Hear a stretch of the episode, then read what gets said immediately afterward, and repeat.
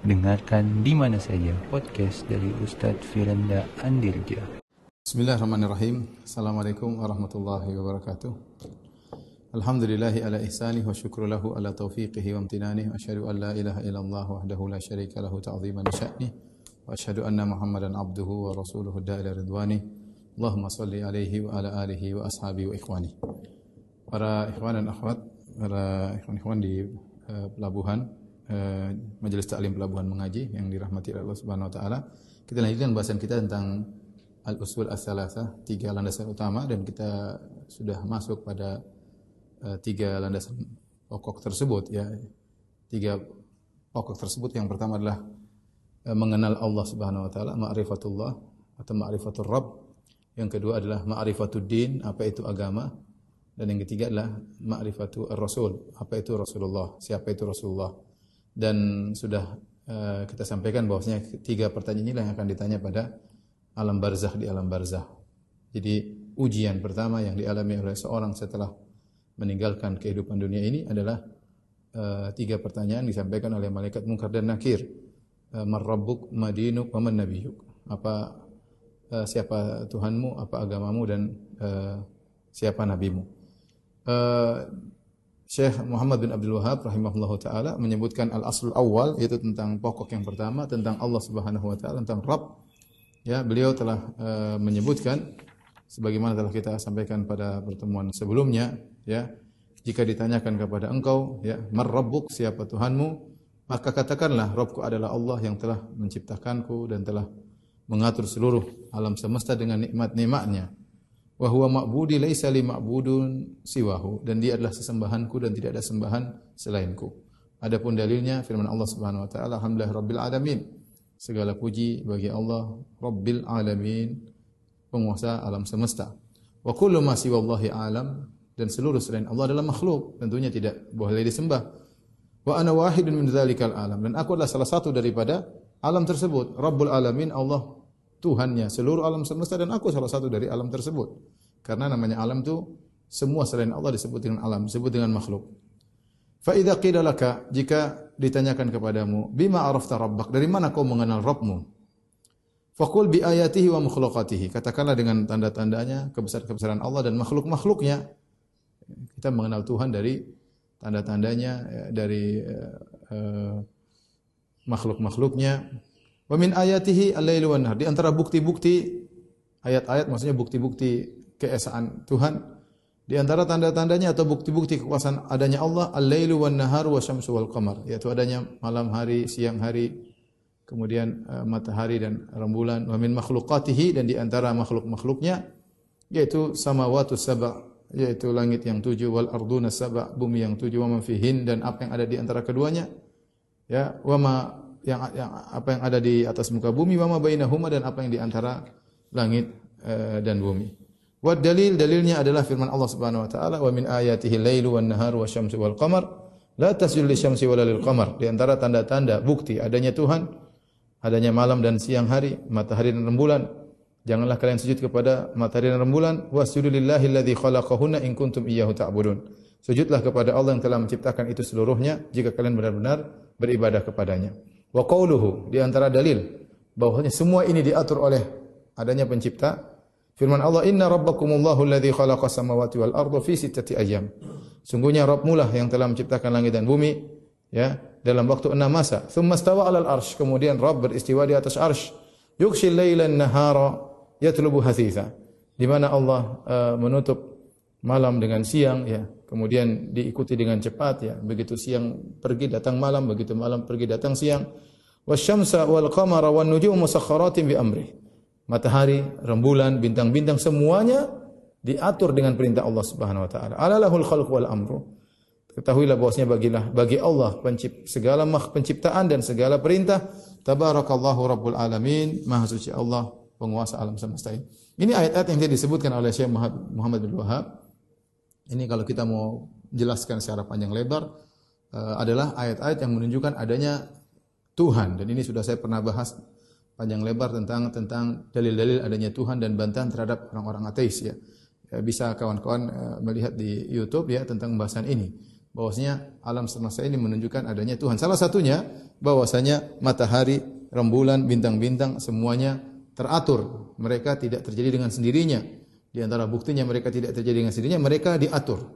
Makanya kita bisa mengerti adanya tanggalan, adanya jadwal gerhana matahari, gerhana bulan, eh, kemudian perubahan jadwal perubahan eh, musim misalnya. Kenapa? Karena matahari dan rembulan mereka punya sistem peredaran yang teratur, tidak berubah. Ya, tidak berubah, teratur. Dan ini menunjukkan ada yang mengatur ya. Kalau mereka ternyata bukan makhluk tentunya, kalau ternyata matahari Tuhan, kalau ternyata rembulan Tuhan tentu dia bisa memiliki kehendak tapi dia tidak berkehendak. Dia dikehendaki, dia di diatur, ya, dia diatur. Ya. E, tidak pernah keluar dari e, orbitnya. Wa kullun fi falakin yasbahun. Masing-masing matahari, rembulan berjalan di atas orbitnya. Ketika menunjukkan ini semua diatur, ya, berarti menunjukkan ada yang mengaturnya, yaitu Tuhan pencipta alam semesta. Logika sederhana yang pernah saya, sering saya sampaikan, ketika ada seorang atau sekelompok orang ateis berdialog dengan Imam Abu Hanifah rahimahullah taala tentang adanya Tuhan atau tidak, maka Imam Abu Hanifah berkata, coba kau renungkan, kalian renungkan tentang ada sebuah kapal uh, yang bersandar di Sungai Dujla, di Sungai Dujla, kemudian barang-barang dari kapal tersebut turun sendiri, ya, tanpa ada awak kapal, anak buah kapal tidak ada, tidak ada ABK-nya. Kemudian setelah itu diangkut barang-barang yang baru, tanpa ada nahkoda, tanpa ada awak kapalnya. Setelah itu kapal tersebut berlabuh ke tujuan berikutnya, pelabuhan berikutnya, tanpa ada nahkoda. Ya. Apakah bisa berjalan dengan sendirinya? Kata mereka nggak mungkin. Nggak mungkin. Semua orang tidak ada yang menyatakan nggak mungkin jalan sendiri. Apalagi kawan-kawan orang pelabuhan tentu tahu nggak mungkin kapal jalan sendiri. Maka Imam Abu Hanifah mengatakan kalau kapal saja tidak bisa jalan dengan sendirinya. Bagaimana dengan alam semesta yang teratur dengan aturannya? Bintang pada orbitnya, rembulan pada orbitnya, matahari pada orbitnya. Apakah yang terjalan, berjalan dengan sendirinya? Ini salah satu dalil dari sekian banyak dalil yang menunjukkan Tuhan itu ada. Tapi saya katakan saya tidak ingin menyampaikan panjang lebar karena ini sudah saya jelaskan dalam sebuah kajian judulnya dalil-dalil tentang adanya Tuhan. Ini sangat penting untuk membantu orang-orang ateis dan juga untuk menghilangkan keraguan kalau memang masih ada dalam hati kita. Kita fokuskan pada pertemuan kali ini tentang bahwasanya Tuhan yang menciptakan alam semesta bukan hanya sekedar menciptakan, mengatur ya eh, segala perintahnya yang berlaku secara hukum secara seluruh hukum yang berlaku adalah hukumnya, aturan yang berlaku adalah aturannya, ya. Maka Tuhan inilah yang uh, berhak disembah. Karena dia bersendirian menciptakan. Dialah Allah bersendirian mengatur alam semesta, maka dia pula yang berhak untuk disembah. Karena itu setelah itu Syekh Muhammad bin Wahab rahimahullah berkata, "War rabbu huwal ma'bud." Dan Ar-Rabb pengatur alam semesta ini pemilik alam semesta ini, pencipta alam semesta ini, dialah yang berhak disembah. Al-ma'bud maksudnya dialah yang satu-satunya yang berhak disembah. Wa dalil adapun dalilnya Qauluhu ta'ala firman Allah Subhanahu wa taala ya ayuhan nasu ubudu rabbakumul ladzi khalaqakum Walladzina min qablikum la'allakum tattaqun. Wahai manusia sekalian, sembahlah Rabb kalian yang telah menciptakan kalian. Ya Allah yang ciptakan kalian, maka Allah yang disembah. Seandainya ada zat lain bersama Allah menciptakan kalian, sembah pula zat tersebut. Ternyata Allah kerjasama dengan dua zat lain. Ada tiga Tuhan menciptakan kamu, maka kau punya hak untuk menyembah tiga Tuhan tersebut. Dan tiga Tuhan tersebut berhak untuk disembah. Tetapi ternyata yang menciptakan engkau adalah Tuhan sendiri. Allah subhanahu wa ta'ala sendirian. Tidak ada yang berserta Allah dalam menciptakanmu. Maka Allah ingatkan, Ya ayuhan nasu budu rabbakumul ladhi khalaqakum. Wahai manusia sekalian, sembahlah Rabb kalian yang menciptakan kalian. Walladzina min qablikum la'allakum tattaqun. Demikian juga telah menciptakan nenek moyang kalian sebelum kalian, ya, agar kalian bertakwa. Alladzi ja'ala lakumul arda firasha. Bukan cuma menciptakan kalian. Bukan cuma menciptakan orang tua kalian, belum bukan cuma menciptakan manusia-manusia sebelum kalian, tapi juga menciptakan sarana dan prasarana bagi kalian. Alladzi ja'ala lakumul arda firasha, yang dia telah menciptakan bumi. Sebelum Adam diturunkan di atas muka bumi, Allah sudah ciptakan bumi. Firashan, yang terhampar, yang mudah uh, diting ditinggali ya. Allah uh, bukan sekedar bumi, Allah isi dengan berbagai macam keindahan, dengan sungai yang mengalir, dengan laut ya, dengan oksigen yang Allah siapkan, uh, dengan pohon yang indah-indah, yang semuanya adalah untuk sesuai dengan prasarana manusia. Ini Allah ciptakan laut, Allah ciptakan udara, kenapa oksigennya kadarnya sekian, Allah ciptakan gunung. Semuanya ini sesuai dengan kebutuhan manusia, ya. Jadi Allah ciptakan firashan yaitu Allah siapkan uh, mihadan, Allah siapkan. Wasamaa binaa dan Allah juga telah menciptakan langit sebagai saqafan marfu'ah sebagai atap yang yang tinggi. Kemudian anzala minas sama'i ma'an dan Allah turunkan dari langit hujan. Allah yang turunkan. Fa bihi minas samarati rizqan lakum. Lalu dengan hujan tersebut Allah tumbuhkan tumbuhan buah-buahan rizqan lakum sebagai rezeki bagi kalian. Fala taj'alu lillahi andada wa antum ta'lamun. Maka janganlah kalian mengambil tandingan-tandingan sekutu-sekutu bagi Allah padahal kalian mengetahui. Ini benar. Bagaimana kalian menyembah kepada selain Bagaimana kalian mensekutukan Allah sementara yang menciptakan ini semua adalah Allah Subhanahu wa taala? Makanya ketika Rasulullah SAW ditanya, "Ya Rasulullah, ayu dzambi a'zam?" Ya Rasulullah, dosa apa yang paling besar? Kata Rasulullah sallallahu alaihi wasallam, anta ja'ala lillahi niddan wa huwa khalaqak. Engkau mengambil tandingan bagi Allah, sekutu bagi Allah padahal yang menciptakan engkau cuma Allah sendirian.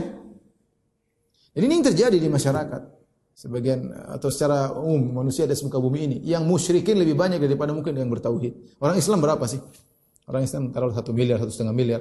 Yang kufar, yang menyembah nabi, yang menyembah dewa, yang menyembah pohon, yang menyembah batu, yang menyembah matahari. Berapa miliar-miliar? Lebih banyak daripada kaum kaum muslimin. Kaum muslimin sendiri pun masih ada yang punya keyakinan yang eh, macam-macam terjerumus dalam berbagai macam model kesyirikan. Ini sangat logis. Yang menciptakan kamu adalah Allah. Yang menciptakan prasarana dan sarana bagimu adalah Allah. Lantas kau beribadah kepada selain Allah. Ini dosa paling besar. Dosa paling paling besar. Maka Ar-Rabb huwal ma'bud. Sangat logis kalau kamu mengakui pencipta alam semesta hanyalah Allah, maka dia pula yang berhak untuk disembah bukan yang lainnya. Qala Ibnu Katsir rahimahullahu taala. Ibnu Katsir sang mufassir, Ibnu Katsir ini adalah seorang ahli tafsir dan dia uh, bermadhab uh, bermadhab salaf dalam masalah akidah, makanya dia bermadhab syafi'i dalam masalah fikih, dalam masalah akidah bermadhab bermanhaj salaf, maka buku tafsirnya sangat sangat baik untuk dimiliki oleh kaum muslimin dia. Ibnu Katsir berkata, "Al-khaliqu li hadhil asya' huwal mustahiqqu lil ibadah."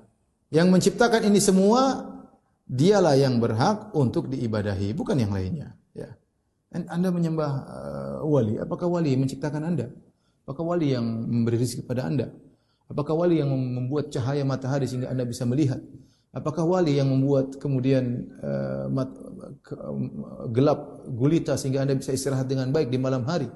Ya, Apakah Allah? Allah tentunya. Bagaimana Anda kemudian bisa minta-minta kepada wali? Beribadah kepada wali? Ya. Apakah Nabi Isa yang menciptakan ini semua? Bagaimana Anda bisa beribadah kepada Nabi Isa? Wa anwa'ul ibadah lati awarallahu biha. Setelah itu, eh, setelah Syekh Muhammad Wahab menjelaskan tentang Ar-Rabb itu yang mencipta dia yang berhak untuk disembah. Setelah itu penting bagi kita untuk mengetahui apa sih saja model-model ibadah yang tidak boleh diserahkan kecuali hanya kepada Allah. Ini yang penting. Apa saja macam-macam ibadah. Maka beliau menjelaskan. Ya. Karena sebagian orang mengatakan, saya tidak berbuat syirik. Tapi ternyata dia beribadah kepada selain Allah. Misalnya dia minta-minta ke penghuni kubur. Dia merasa, saya tidak beribadah kecuali hanya kepada Allah. Minta-mintamu itu, itu ibadah. Doa adalah ibadah.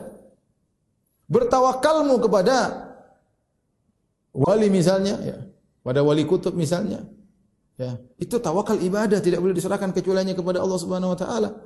Ya. Menyembelih saya tidak pernah berbuat syirik, tapi saya kamu menyembelih sama jin. Menyembelih itu ibadah. Ya, ini jadi kadang-kadang yang jadi masalah masyarakat tidak ngerti apa ibadah mana bukan.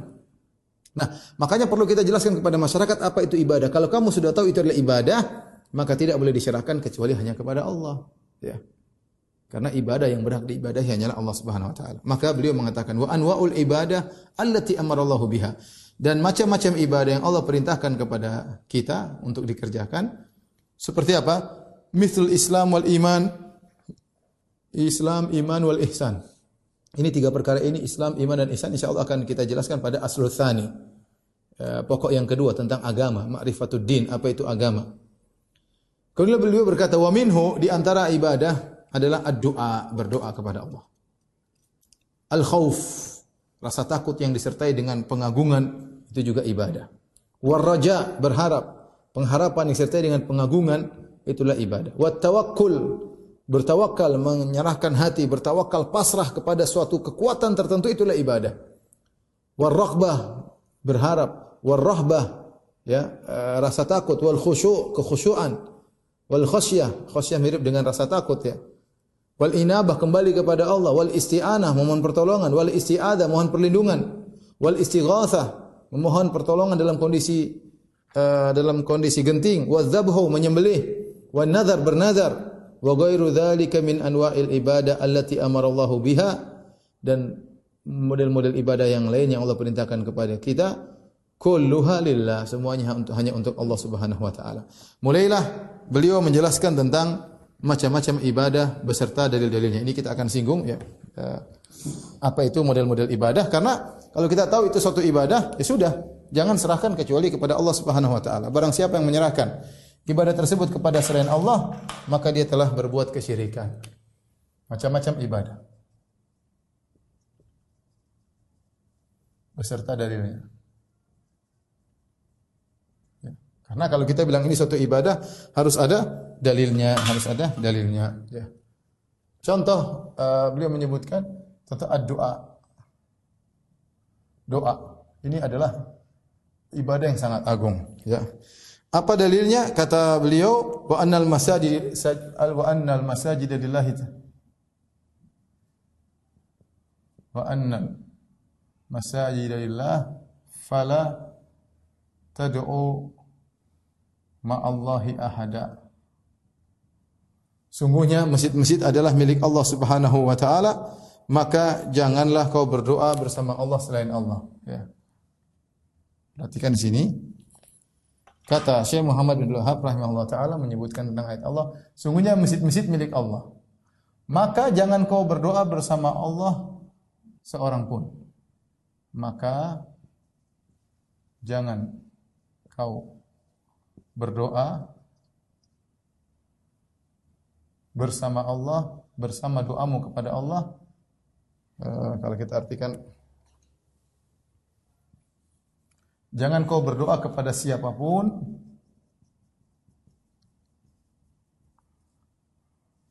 disertakan bersama doamu kepada Allah, disertakan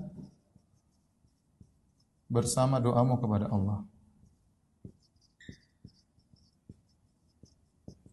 Saya ingin kawan-kawan sekalian fokus pada perkataan Allah Subhanahu wa taala ma'a di sini ma'a. Ma'a itu artinya bersama, ya. Bersama. Ma'a itu artinya bersama. Dan ini menjelaskan hakikat kesyirikan. Kenapa? Karena kesyirikan itu engkau berdoa kepada Allah dan juga berdoa kepada selain Allah. Engkau beribadah kepada Allah dan juga berdoa ke, beribadah kepada selain Allah. Itulah syirik. Seandainya engkau tidak mengenal Allah, engkau hanya beribadah kepada selain Allah, secara bahasa itu bukan syirik. Syirik itu bahasa Indonesia apa? Mensekutukan. Artinya kau beribadah kepada Allah, juga kau mensekutukan Allah dengan yang lain. Kau beribadah juga dengan dia. Itulah syirik. Makanya Allah memtakbir dengan perkataan ma'a. Kenapa? Karena orang-orang musyrikin mereka juga berdoa kepada Allah. Tetapi selain mereka berdoa kepada Allah, mereka juga berdoa kepada selain Allah. Makanya Allah berfirman, "Wa idza rukibu fil fulki Allah mukhlishina lahuddin, falamma najam ilal barri idza musyrikun." Kalau mereka dalam kondisi genting di tengah lautan ombak besar, orang-orang musyrikin Arab, mereka ikhlas berdoa kepada Allah. Tetapi kalau mereka selamat, mereka kembali lagi berdoa kepada selain Allah. Abu Jahal ketika dalam perang Badar, apa dia mengatakan Allahumma ya ya ayuna aqta'u lirahim lirahim Wa ja'ana bima lam na'rif ahinhul ghadat. Kata Abu Jahal, "Ya Allah, siapa di antara aku aku atau Muhammad? Siapa di antara kita?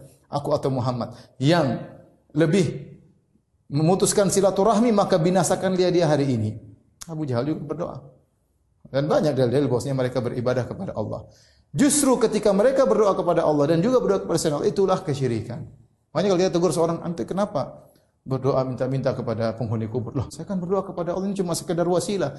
Bentuk engkau mengatakan ya ini berilah kepada aku itu doa dalam bahasa Arab namanya. Meminta. Wah wahai fulan wahai fulan agisni tolonglah aku. Itu namanya doa dalam bahasa Arab. Tidak boleh kau lakukan kecuali hanya kepada Allah. Ya. Jadi itulah syirik berdoa kepada Allah, berdoa kepada selain Allah Subhanahu wa taala. Makanya kata Syekh Abdul Wahab, "Faman sarafa minha syai'an li ghairillah fa huwa musyrik kafir." Barang siapa yang memalingkan ya dari doa dia berdoa kepada selain Allah maka dia telah musyrik dan kafir maka dia telah musyrik dan kafir berarti dia terjerumus dalam kesyirikan wa dalil Qauluhu ta'ala. Adapun dalil bahwasanya orang yang berdoa kepada selain Allah adalah kafir dan musyrik, Allah berfirman dalam surat Al-Mu'minun, "Wa may yad'u ma'allahi ilahan akhar la burhana lahu bihi fa inna ma hisabuhu 'inda rabbih innahu la yuflihul kafirun." Perhatikan. Surat Al-Mu'minun ayat 117. Kata Allah, "Ma yad'u ma'allahi ilahan akhar." Barang siapa yang berdoa bersama Allah. Lihat, kembali lagi Allah menggunakan metode bersama, kata bersama. Kata Allah, "Wa man yad'u ma'allahi ilahan akhar la burhana bihi fa innama hisabuhu inda rabbih innahu la yuflihul kafirun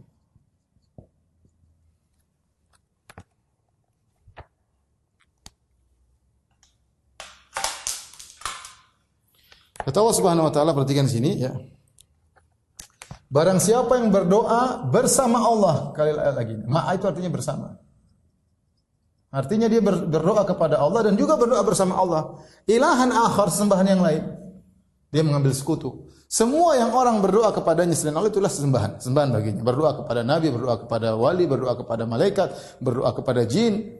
Itu semua syirik. Orang Nasara berdoa kepada Nabi Isa. Syirik atau tidak? Syirik, kafir, kafir. Ya. La burhana lahu bihi inda rabbih. Maka la burhana lahu bihi, maka dan mereka tidak punya dalil akan hal ini, fa inna ma hisabuhu inda rabbih, sungguhnya hisabnya dikembalikan kepada Rabbnya, innahu la yuflihul kafirun. Sungguh tidak beruntung orang yang kafir. Perhatikan. Allah memfonis orang yang berdoa kepada selain Allah termasuk orang-orang kafir. Dalilnya ada. Maka jangan main-main ke dalam masalah ibadah. Anda tahu ibadah itu hanya haknya Tuhan, maka jangan serahkan kepada selain Allah. Apa hubungan kita hamba dengan Tuhan? Hubungan hamba dengan Tuhan itu sang hamba beribadah kepada Tuhan. Bagaimana kemudian hamba beribadah kepada hamba yang lain? Beribadah kepada api, beribadah kepada matahari, sama-sama makhluk, sama-sama hamba. Beribadah kepada nabi, beribadah kepada wali kutub, beribadah kepada enggak. Kita beribadah hanya kepada Allah Subhanahu wa taala. Wa fil hadis kemudian beliau sebutkan lagi dalil yang lain. Ya. Kata Nabi sallallahu alaihi wasallam ad-du'a'u mukhul ibadah. Ad-du'a'u mukhul ibadah. Doa itu intisari ibadah.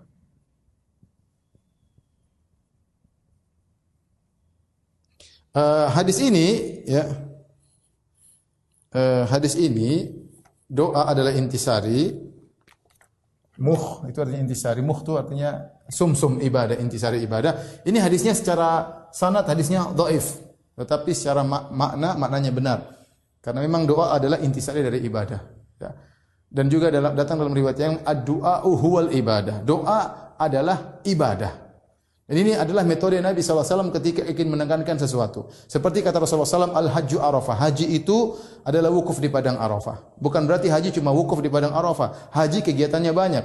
Haji ada tawaf, ada sa'i, ada mabit di Mina, ada lempar jamarat, ya banyak. Ada sembelih kambing, sembelih onta. Banyak kegiatan haji. Di antaranya wukuf di Padang Arafah. Tetapi Nabi mengatakan al hajju arafah. Haji itu intinya wukuf di padang arafah. Artinya dialah rukun haji yang paling penting daripada yang lainnya. Sama ketika Nabi mengatakan ad-du'a mukhul ibadah. Doa adalah intisari ibadah atau doa huwal ibadah. Doa adalah ibadah.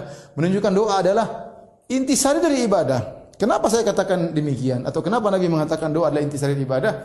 Karena ketika doa nampaklah bukti Anda sebagai hamba. Apa bukti hamba? Hamba itu butuh kepada Khalik sang pencipta. Ketika seorang mengangkat tangannya berdoa kepada Allah. Ini Allah sangat suka dengan seperti ini. Ya. Makanya ayat selanjutnya Allah mengatakan, "Wa qala rabbukum ud'uni astajib lakum. Innal ladzina yastakbiruna an ibadati sayadkhuluna jahannama dakhirin." Ayat berikutnya. Dan berkata Rabb kalian, berdoalah kepadaku. Aku akan kabulkan. Sungguhnya orang-orang yang tidak beribadah kepada aku sombong tidak mau beribadah maka akan masuk neraka jahanam dengan terhina. Kalau kita duduk kemudian kita ya Rabbi, kita nangis ya Rabbi. Ini Allah suka karena bukti Anda sebagai makhluk butuh kepada Tuhan. Allah suka. Ya, makanya Allah mengatakan man lam ya man lam yas'alillah yaqdab minhu. Siapa yang tidak minta kepada Allah murka kepadanya. Ini Allah sangat suka. Coba bayangkan kalau kita serahkan kondisi yang Allah sukai ini kepada makhluk, kemudian datang depan kuburan, ya kiai, ya wali, ya subhanallah. Datang ke kuburan Nabi, ya Rasulullah, tolonglah aku ya Rasulullah. Ini syirik, syirik paling syirik. Ada syirik pergi ke dukun, ada syirik menyembelih kepada selain Allah. Ada syirik bertawakal kepada selain Syirik paling syirik, super syirik adalah berdoa kepada selain Allah. Makanya Allah mengatakan, "Wa man adallu mimma yad'u min dunillah." Siapa yang paling sesat dari orang yang berdoa kepada selain Allah? Bukti Anda sebagai hamba Anda berdoa mengakui keagungan Tuhan yang Anda mintai, mengakui kelemahan hinaan Anda, Anda tidak mampu makanya Anda minta kepada Dia. Ternyata Anda minta kepada malaikat, kepada jin, kepada wali, kepada pohon, kepada batu, kepada matahari, maka ini adalah super syirik. Tidak ada syirik paling parah seperti syirik berdoa kepada selain Allah Subhanahu wa taala. Ini contoh.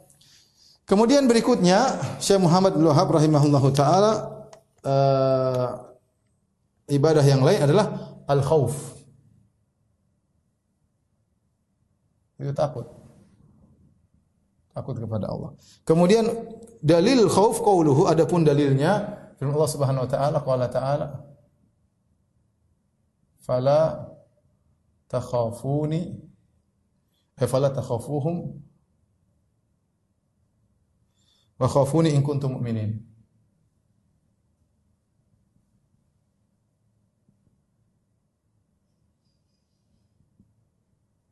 Kata Allah Subhanahu wa taala, ya.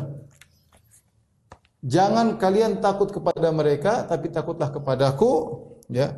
Wa khafuni in kuntum mu'minin jika kalian benar-benar beriman jika benar-benar beriman ya. Jadi kalau seorang takut kepada selain Allah maka dia terjerumus dalam kesyirikan. Maksudnya takut di sini apa? Takut yang ibadah. Takut ibadah adalah takut yang disertai pengagungan. Bukan sekedar takut saja. Makanya takut terbagi menjadi dua. Takut ada dua. Ada namanya al-khauf tabi'i takut tabiat, kemudian namanya takut ibadah. Kalau ini yang itu disertai dengan pengagungan, disertai pengagungan.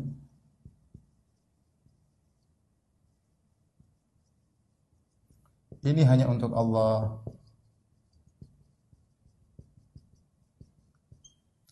Adapun al-khauf tabi'i, takut tabiat ini e, boleh selama tidak melanggar syariat.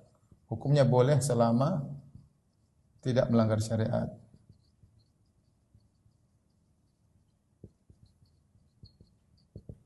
Seperti apa? Seperti takut kepada singa, takut kepada macan. Namanya khauf tabiat secara tabiat takut kepada macan. Ada orang takut kepada ketinggian. Ada orang kalau naik pesawat di pinggir eh, jendela dia ketakutan ya, dia ketakutan, takut kepada uh, ketinggian. Ada orang lihat macan ya, kita lihat macan takut, lihat senjata kita ketakutan, wajar. Nabi Musa alaihissalam ketika diancam untuk dibunuh, oleh Fir'aun dan pengikutnya, dia kabur. Fakharaja minha khaifan yataraqqab. Maka Nabi Musa pun uh, keluar dari kota Mesir dalam kondisi ketakutan. Kata apa namanya? Kata Allah Subhanahu wa taala. Ini takut yang yang wajar. Tetapi takut tersebut tidak boleh melanggar syariat. Kalau seorang takut karena dengan melanggar syariat maka dia berdosa. Contoh, Uh, kamu kenapa nggak sholat berjamaah? Waduh, saya takut nanti dikata-katain orang so alim. Ukti kenapa nggak pakai jilbab? Waduh, saya kalau pakai jilbab nanti diledekin sama teman-teman di sekolah semuanya. Saya nggak pakai jilbab. Ini takut, ini takut tapi membuat orang akhirnya bermaksiat. Ini tidak boleh, hukumnya haram. Tetapi takut ibadah, takut serta pengagungan, ini hanya untuk Allah. Contoh yang syirik, contoh takut syirik, para ulama menamakan dengan al khawfus sir. Eh. Al khawf as-sirri yaitu eh, takut ya eh, apa namanya eh, yang tidak ter, tidak terlihat ya takut yang tidak terlihat eh, terlihat sebab untuk ditakuti kata para ulama contohnya ya takut kepada uh, wali-wali uh, apa kepada uh, ancaman-ancaman orang-orang musyrikin. Orang musyrikin bahwasanya sesembahan mereka sesembahan mereka akan memberi kemudaratan akan memberi kemudaratan seperti kisah Nabi Hud alaihissalam Nabi Hud alaihissalam uh, ketika Nabi Hud alaihissalam ketika dia berdakwah maka kaumnya menakut-nakuti Nabi Hud yaitu kaum Ad mereka berkata, Inna kulu illa taraka ba'du alihatina bisu. Wahai Hud, kau doa-doa berdakwah terus, kau ngejek Tuhan-Tuhan kami. Ketahuilah Tuhan-Tuhan kami, sembahan-sembahan kami akan menimpakan kepada engkau penyakit. Engkau akan gila atau yang lainnya. Ini ketakutan seperti ini namanya ketakutan kalau takut dengan begitu namanya syirik. Seperti seorang, wah kalau enggak kasih sajen misalnya, ini kalau kita terapkan, kalau sajen nanti kita celaka. Ini takut syirik seperti ini enggak boleh. Enggak ada sebab depan kita buat kita takut, enggak ada. Enggak ada macan kan? Tapi kalau kita enggak kasih sajen, akan ada bencana, akan ada uh, seperti kalau kita enggak kasih tumbal, maka nanti penjaga laut selatan akan ngamuk. Eh, ini namanya takut kesyirikan, tidak boleh. Hukumnya haram dan itu kesyirikan, bukan sekedar haram, syirikan. Ya, beda kalau orang tidak pakai jilbab, nanti takut diomelin orang dia itu namanya takut yang haram. Sebabnya jelas, dimaki-maki orang, diejek-ejek orang, ledek-ledek orang. Tetapi kalau misalnya ah saya takut kalau saya tidak ambil uh, riswah, tidak ambil tidak korupsi. Nanti teman kantor semuanya ngejekin so alim so anu, ya saya ambil aja. Nah, itu namanya takut yang haram tapi bukan syirik.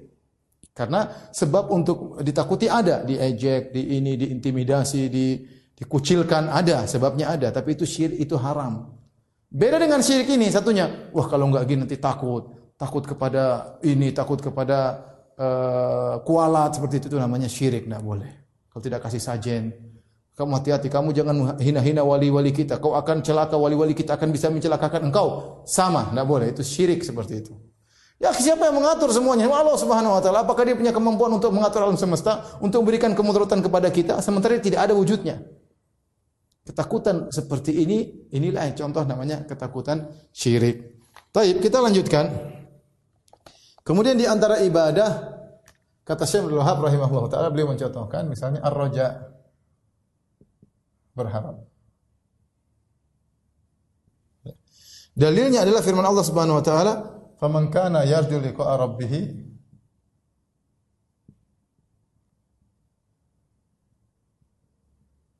falyamal amalan salihan."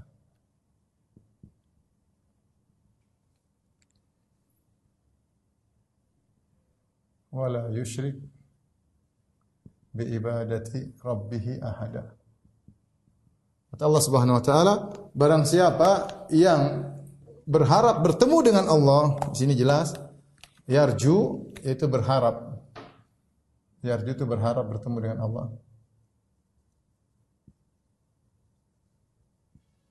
Itu berharap. Sebagian ulama mengatakan berharap melihat Allah. Karena melihat Allah di surga yaitu maksudnya masuk surga itu kenikmatan yang tertinggi Faman kana yarju liqa barang siapa yang berharap untuk bisa melihat wajah Allah pada di surga kelak falyamal amalan salihan. Maka beramalah dengan amal yang saleh. Wala yusyrik bi ibadati rabbih ahadan. Jangan berbuat syirik sama sama sekali. Sama.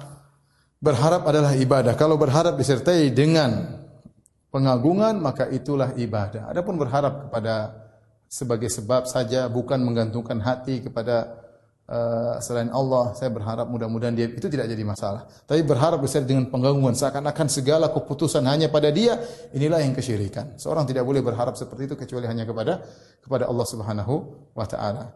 Oleh karenanya uh, Islam mengajarkan kepada kita kita berharap hanya kepada Allah. Adapun eh, sebab-sebab ini hanyalah sebab yang menentukan akibat hanyalah Allah Subhanahu wa taala. Maka harapanmu gantungkanlah kepada Allah Subhanahu wa taala ya. Karena itu ibadah yang yang agung berharap kepada Allah Subhanahu wa taala. Kemudian yang berikutnya tawakal.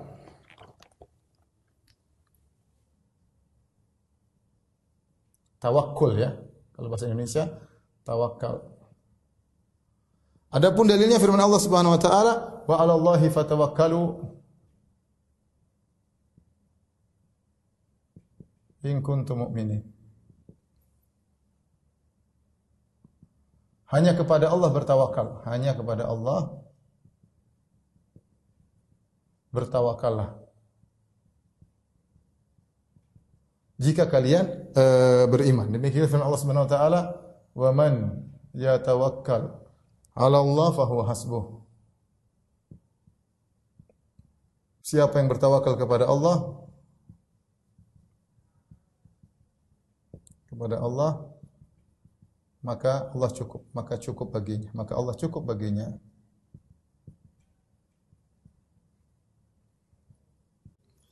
Uh, perhatikan di sini, ikhwan dan akhwat yang dirahmati Allah Subhanahu wa taala, tawakal adalah amalan hati ya. Tawakal ini amalan hati.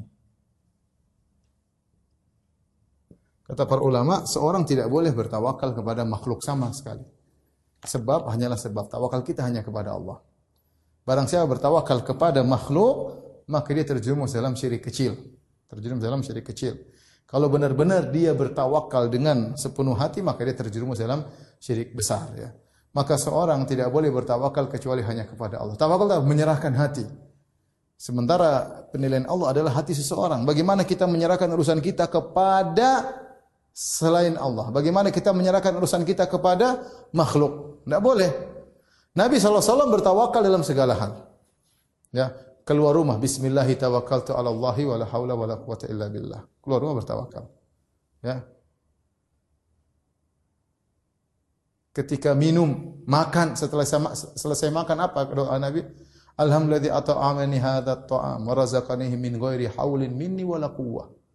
Alhamdulillah segala puji bagi Allah yang telah memberikan aku makanan dan minuman ini tanpa ada daya dan upayaku. Benar-benar ini kita karena tawakal kepada Allah berikan kepada kita makanan. Ya. Kemudian juga bahkan Nabi eh, mau tidur. Nabi bertawakal.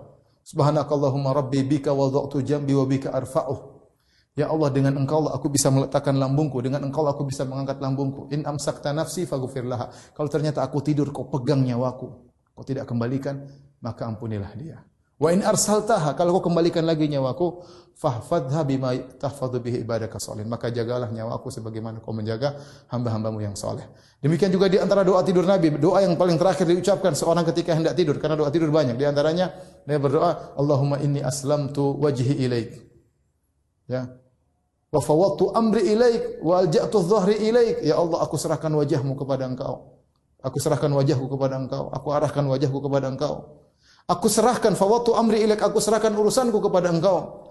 Aku sandarkan pundakku atau punggungku kepada engkau. Ini kalimat tawakal. Makanya ikhwan, dalam segala hal kita bertawakal. Kita melakukan sebab kita kerja, tapi jangan tawakal kepada kerjaan kita. Jangan tawakal kepada bos kita. Jangan tawakal kepada atasan kita. Kita bekerja dengan sebaik-baiknya. Kita melakukan sebab. Kita menservis orang yang memang butuh servisan kita. Tetapi ingat, tawakal kita kepada hati yang berizki Allah Subhanahu Wa Taala yang membuat bos baik sama kita Allah Subhanahu Wa Taala. Yang mudah kita kita bisa mengerjakan pekerjaan ini Allah Subhanahu Wa Taala. Fa'buduhu wa tawakkal alaih. Beribadahlah kepada Allah, bertawakal kepada Allah. Ini sangat penting ibadah yang sangat agung. Bertawakal kepada Allah. Jangan bertawakal kepada penghuni kubur. Jangan bertawakal kepada jin. Apalagi bertawakal kepada dukun. Ya. Kemudian ibadah yang lain. Yang disebut oleh Syekh Abdul juga. Ya.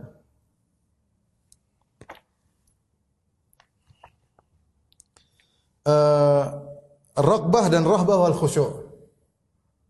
Ar-raghbah,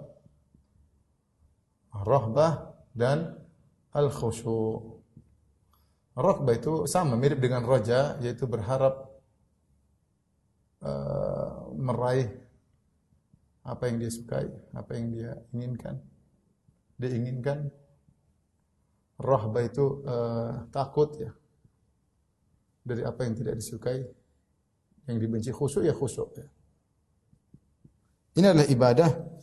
Dalilnya adalah firman Allah Subhanahu wa taala, "Innahum kanu yusari'una fil khairati wa yad'una raghaban wa rahaban wa kanu lana khashi'in." Kata Allah Subhanahu wa taala, "Innahum kanu yusari'una fil khairat wa yad'unana raghaban wa rahaban wa kanu lana khashi'in."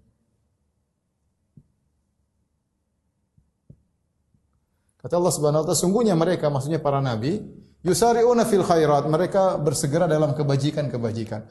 Wa yad'unana dan mereka berdoa kepada kami, berdoa kepada kami ragaban wa rahaban dalam kondisi berharap dan rasa takut. Wa kanu lana khashi'in dan mereka khusyuk kepada kami ketika mereka beribadah. Di sini disebutkan tiga ibadah sekaligus atau empat. Pertama doa, doa. Bagaimana kondisi mereka berdoa? Dengan rokbah, rokbah dengan berharap. Kemudian rahbah dengan takut. Wa kanu lana khasyin dan khusyuk. Ini satu, dua, tiga dalam satu ayat di mana Allah menyebutkan para nabi, ini para nabi Allah menyebut para nabi. Mereka saja ketika berdoa seperti ini para nabi. Ya, maka bagaimana kemudian seorang bertawakal kepada nabi, berdoa kepada nabi, nabi saja mereka berdoa kepada Allah Subhanahu wa taala. Kemudian yang berikutnya uh, dalil khosyah ya. Saya tulis saja. Kita bacakan ada al khosyah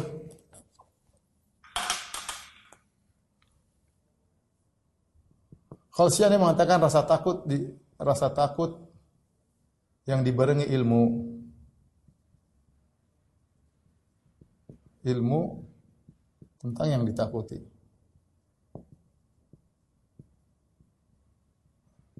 Makanya Allah mengatakan inna ma yakhsyallaha min ibadihil ulama ya.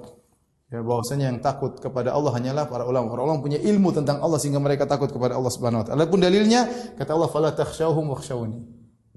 Fala takhshawhum wakhshawni.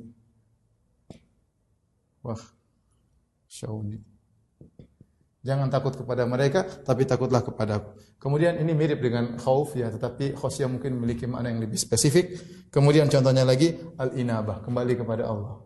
Al-inabah, kembali kepada Allah. Dalam surat Az-Zumar kata Allah Subhanahu wa taala, "Wa anibu ila rabbikum." Wa aslimulah dan seterusnya. Kembalilah kalian kepada Allah Subhanahu wa taala. Kemudian ibadah yang berikutnya ya kita taruh di sini misalnya al istighosah. Al istighosah. Istighosah itu berdoa dalam kondisi genting. Atau iya minta tolong atau berdoa dalam kondisi genting.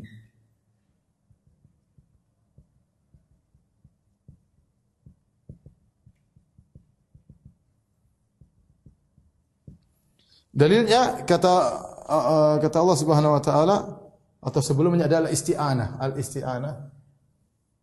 Al-isti'anah minta tolong. Dalilnya iyyaka na'budu wa iyyaka nasta'in. Iyyaka na'bud wa iyyaka nasta'in. Hanya kepada Engkau beribadah, hanya kepada kami mohon pertolongan. Ini yang sering kita baca setiap hari. Wa iyyaka nasta'in hanya kepada Engkau lah ya Allah kami mohon pertolongan. Nah, istighosah ini isti'anah yang dalam kondisi genting namanya istighosah. Seperti uh, firman Allah Subhanahu wa taala uh, Istastaghithuna rabbakum fastajaba. Kata Allah, "Idz tastaghithuna rabbakum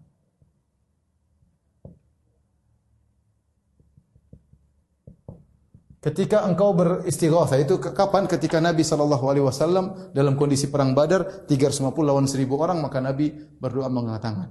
Doanya Nabi sambil mengangkat tangan sampai selendangnya jatuh. Sambil Nabi berdoa ya Allah anjis wa'dak ya Allah penuhilah janjimu.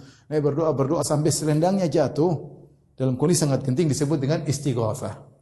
Istighatsah. Dan ini berbahaya banyak orang yang syirik dalam hal ini. Bahkan dalam diajarkan oleh sebagian ulama-ulama yang atau dai-dai yang menyuruh kepada kesyirikan kata mereka dalam kondisi genting beristighatsah kalian kepada wali-wali Allah. Saya mereka mengatakan ya Abdul Qadir Jailani aghithni, ya Badawi aghithni. Wahai wali Badawi, tolonglah kami dalam kondisi genting. Wahai Abdul Qadir Jailani, tolong ini syirik nyata. Bahkan saya pernah dapat buku isinya istighatsah kepada wali-wali. Ya gimana? Para nabi saja Nabi Muhammad wasallam saja tidak bisa menolong dirinya dia beristighatsah kepada Allah. Kenapa ente istighatsah kepada nabi? Nabi Muhammad saja minta tolong sama Allah. Beristighosa kepada Nabi Musa. Nabi Musa saja takut dikejar Fir'aun. Istighosa sama siapa? Pada wali-wali yang sudah meninggal, apa mereka mendengar perkataanmu? Khurafat dibuat oleh orang-orang sebagian sufi-sufi ekstrim, membuat orang akhirnya istighosa kepada wali-wali yang sudah meninggal. Ini merupakan kesyirikan. Dalam hadis juga kata kata Nabi fa idza sta'anta fasta'in billah. Jika kau minta tolong minta tolong kepada Allah Subhanahu wa taala. Ada namanya lagi isti'adzah. Al isti'adzah yaitu minta tolong perlindungan. Ini juga ibadah. Ya, kul a'udzu birabbil falaq, kul a'udzu birabbin nas. Dalilnya banyak, ya. Kul a'udzu birabbil falaq. Ya, kul a'udzu birabbin nas. Ya Allah, katakanlah aku berlindung kepada penguasa subuh atau aku berlindung kepada pencipta manusia, ya. Makanya ketika ada orang beristiadah kepada jin, maka syirik. Kata Allah Subhanahu wa taala, "Wa annahu kana rijalun minal insi ya'udzuuna birijalin minal jinni fazaduhum rahaqa." Dan dahulu ada sekelompok manusia yang minta mereka minta perlindungan kepada sekelompok jin, maka semakin menambah kesombongan jin. Ini syirik. Jadi sebagian orang Arab dahulu ketika mereka mampir sebuah lembah, mereka takut diganggu oleh jin, maka mereka berkata, Na'udzu bi sayyidi hadzal wadi min sufahai qaumihi. Kami berlindung, minta perlindungan bukan kepada Allah. Kami berlindung kepada bosnya jin dari anak buahnya. Setelah dia mengucapkan gitu, dia tidur santai. Kenapa? Bos jin suruh anak buahnya jangan ganggu. Ini syirik. Syirik. Minta tolong kepada kepada jin. Minta tolong hanya kepada Allah Subhanahu wa taala. Kemudian di antara ibadah ya adalah azabah. Ya, menyembelih. Dalilnya apa? Allah Subhanahu wa taala berfirman, "Qul inna salati wa nusuki wa mahyaya wa rabbil alamin." Wa nusuki. Ya, katakanlah sungguhnya salatku dan sembelihanku hidup dan mati hanya untuk Allah Subhanahu wa taala. Maka orang-orang menyembelih karena Allah, seperti ketika akikah menyembelih karena Allah. Ketika ketika hajian menyembelih apa namanya eh, hewan-hewan di Mekah, di Mina, ya disebut dengan hadiu karena Allah. Ketika di tanah air berkorban adahi, udhiyah karena Allah Subhanahu wa taala. Itu ibadah yang agung. Datang orang-orang yang beli untuk jin, untuk nyiroro kidul, untuk jin bangun rumah, takut sama jin yang beli syirik. Pergi ke dukun, kata dukun kalau mau sembuh cari ayam hitam tiga ekor, potong alirkan darahnya. Syirik menyembelih bukan kepada selain Allah Subhanahu Wa Taala. Maka Nabi SAW mengatakan, la Allah man dzabah li ghairillah. Allah melaknat orang yang menyembelih kepada selain Allah Subhanahu Wa Taala. Kemudian juga di antaranya nazar. Nazar. Nazar itu apa? Nazar adalah bersumpah atas nama Allah untuk melakukan sesuatu misalnya kita demi Allah aku nazar itu bersumpah. Makanya kafarah nazar kalau tidak dikerjakan sama dengan kafarah sumpah. Nazar adalah sumpah. Dengan nama Allah ya Allah aku berjanji kepada engkau aku jika begini akan begini. Kalau aku lulus aku akan traktir teman-teman sekelas makan bakso misalnya. Ya Allah kalau aku dapat rezeki aku akan menghajikan ibu dan bapakku ya Allah kalau ini aku ini namanya nazar. Ini hanya untuk Allah tidak boleh bernazar kepada wali-wali. Sebagian orang dan saya pernah diceritain datang di Indonesia dia datang kepada uh, kuburan Sunan tertentu. Dia mengatakan dia nazar, saya nazar kepada engkau Mbah Sunan. Kalau saya lulus saya akan berjalan sekian kilo. Kalau saya lulus ujian saya akan berjalan sekian sekian kilo atau dari kota ini ke kota lain. Dia bernazar. Bukan untuk Allah, kepada ya kepada Sunan tersebut. Saya tanya kepada antum sekalian. Ketika dia bernazar tersebut, hatinya kepada Allah atau kepada Sunan? Ya kita wakalnya kepada Sunan. Sampai dia bernazarnya kepada Sunan. Ini saya bukan, ini terjadi. Orang cerita sama saya apa namanya Uh, Waliyadzubillah intinya dia ber, bernadar kepada dan kita baca banyak baca buku mereka mungkin bukan di Indonesia tapi kalau di di Mesir di mana mereka datang mereka bernadar kepada uh, kuburan-kuburan wali-wali penghuni kubur. Dan ini syirik tidak boleh. Allah berfirman dari nazar yufuna bin nadhi wa yakhafuna yawman kana syahruhu mustatira. Yufuna. Yufuna bin nadri Allah memuji orang-orang yang menunaikan nazar. Kata Allah, mereka menunaikan nazar-nazar mereka. Yang dalil bahwasanya nazar adalah ibadah, ya. Taib. Inilah eh, ikhwan dan akhwat yang dirahmati oleh Subhanahu wa taala. Eh, sebagian contoh-contoh ibadah yang disebutkan oleh eh, Muhammad bin Abdul Wahab rahimahullahu taala yang kita sudah tadi punya kaedah kalau itu namanya ibadah dan sudah ada dalil menunjukkan itu ibadah, maka tidak boleh kita serahkan kepada selain Allah. Tidak boleh. Karena itu ibadah. Karena yang berhak di ibadah cuma Allah. Ar-Rabbu huwal ma'bud. Kata uh, Syekh Abdullah rahimahullah taala. Rabb itulah yang disembah. Bagaimana Anda menyerahkan ibadah, doa, nazar kepada manusia, kepada makhluk? Apa yang dia apakah dia menciptakan kamu sehingga kamu bernazar kepada dia? Apakah dia menciptakan kamu sehingga kamu meminta kepada? Apakah dia mengatur alam semesta sehingga kau minta kepada dia? Apakah di tangan dia segala perbendaharaan langit dan bumi sehingga kau minta kepada wali tersebut? Tentunya tidak ya. Tentunya tidak. Saya semakin apa namanya? Kadang-kadang mendengar ceramah-ceramah sebagian orang kata sebagian mengatakan kita ada wali kutub yang menjaga daerah Asia misal atau daerah Indonesia ada jaga wali kutub, wali kutub sehingga orang tawakalnya bisa kepada wali tersebut. Khurafat-khurafat yang eh, yang mengerikannya.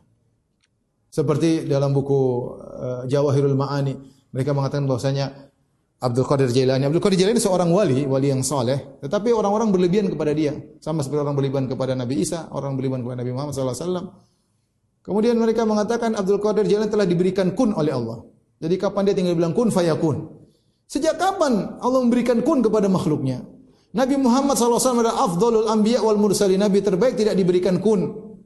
Nabi saja perang Uhud terluka, tidak bilang kun fayakun, wahai Abu apa wahai Khalid bin Walid jadilah kau lalat misalnya atau Abu Sufyan ketika yang jadi pemimpin perang ketika itu jadilah kau semut misalnya mampuslah enggak ada kun fayakun ya kalau kita meyakini ada seorang wali punya kun fayakun ya gimana kita tawak enggak tawakal sama dia tawakal kepada wali ada seorang dai juga terkenal televisi eh, luar, luar negeri. Dia mengatakan al wali al wali yakhluq wali bisa saja mencipta. Bayangkan al wali yakhluq wali bisa mencipta dengan izin Allah.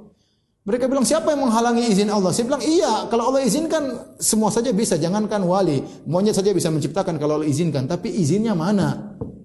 Mana izinnya? Mana dalilnya Allah kasih kun sama Abdul Qadir Jailani sehingga orang punya keyakinan terhadap dia? Mana dalilnya Allah kasih mayat-mayat ini bisa menyampaikan doa Anda kepada dia bagaimana? Mana dalilnya? Atau dia akan mengabulkan permintaan Anda? Mana dalilnya? Kalau sebagian mereka ketika kita berdialog kata dia kamu ragu tentang kekuasaan Allah. Kita bukannya ragu, tapi dalilnya nggak ada. Bagaimana Anda mengatakan mayat-mayat tersebut lebih hebat daripada ketika mereka masih hidup sehingga bisa kita minta-mintai? Ya. Sebagian orang subhanallah, ketika kalau ke masjid dia tidak begitu tawakalnya kurang, tidak nangis, tapi kalau ke kuburan nangis tawakal luar biasa kepada penghuni kubur. Waliyadzubillah semoga kita dijauhkan dari kesyirikan dan sebab-sebab mengantarkan kepada kesyirikan. Saya rasa sampai di sini saja apa yang saya sampaikan. Insya Allah pertemuan berikutnya kita akan bahas tentang al aslu thani tentang agama Islam. Setelah itu baru pokok yang ketiga yaitu tentang uh, Nabi Shallallahu Alaihi Wasallam. Wallahu taala bisawab demikian saja kajian kita. Insya Allah kita lanjutkan pada bulan depan uh, masih berkaitan dengan pokok yang kedua mengenal agama Islam. Subhanakallah bihamdik asyhadu an la ilaha illa anta Assalamualaikum warahmatullahi wabarakatuh. Ayo segera download Quran Tadabbur tafsir dalam genggaman Anda.